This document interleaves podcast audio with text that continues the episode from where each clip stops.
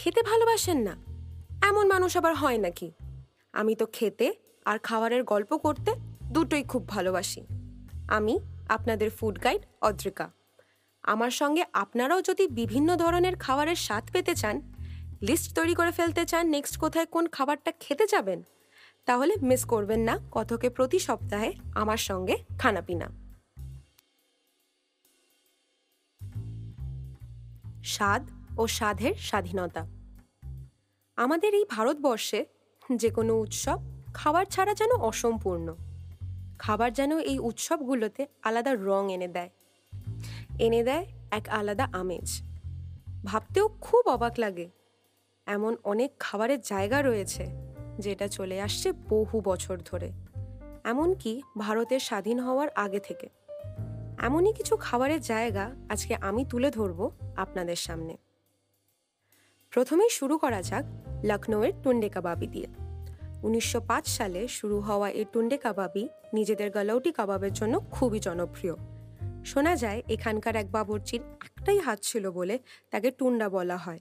আর উনি ওনার ওই একটাই হাত দিয়ে অসাধারণ কিছু কাবাব বানিয়ে মন জয় করেছিলেন পুরো লখনৌর আজকের দিনে দাঁড়িয়েও লখনৌয়ের আমিনাবাদের টুন্ডে কাবাবি তার গালোটি কাবাবের সেই বহু পুরনো টেস্ট বজায় রেখে চলেছে।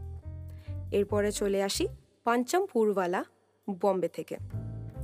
ওয়ান এইটটি ইয়ার্স আগে এইটিন ফর্টি এইটে এই দোকানটি পঞ্চম শর্মা উদ্বোধন করেন। আগ্রা থেকে মুম্বাই আসা এই লোকটির দোকানে পুরি সবজি সেই স্বাধীনতার যুগ থেকে এবং তার আগে থেকে এখনও চলে আসছে এবং তার দাপট এখনও চালিয়ে চলেছে। এখন বলব ব্রিটানিয়া অ্যান্ড কো, বম্বে থেকে।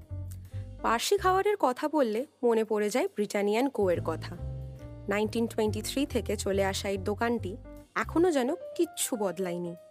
যেমনই রয়েছে তার ফার্নিচার, তেমনই রয়েছে তার ইন্টিরিয়ার ডিজাইন। এখানকার মাটন আর চিকেন বেরি পোলাও আপনাদের মন কাটতে বাধ্য হবে কিন্তু। এরপর বলব সিটিআর শ্রীনগর বেঙ্গালুরু থেকে। বেঙ্গালুরু গিয়ে ফিল্টার কফি আর মশালা দোসা খেতে চাইলে আপনাকে একবার কিন্তু ঘুরে আসতেই হবে মাল্লেশ্বরমের সিটিআর।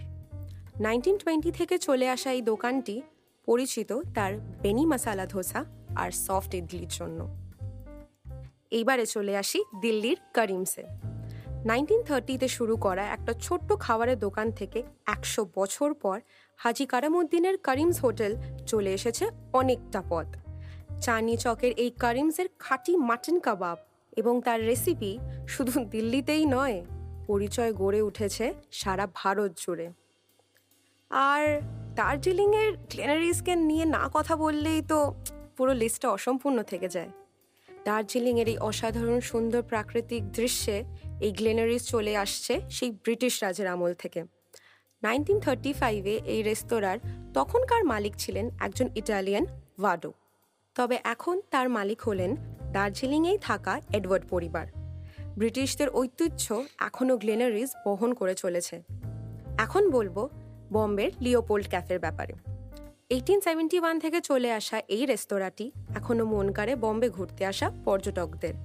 এই রেস্তোরাঁটি তার বিভিন্ন ধরনের বার্গার, বিয়ার আর ডেজার্টের জন্য জনপ্রিয়।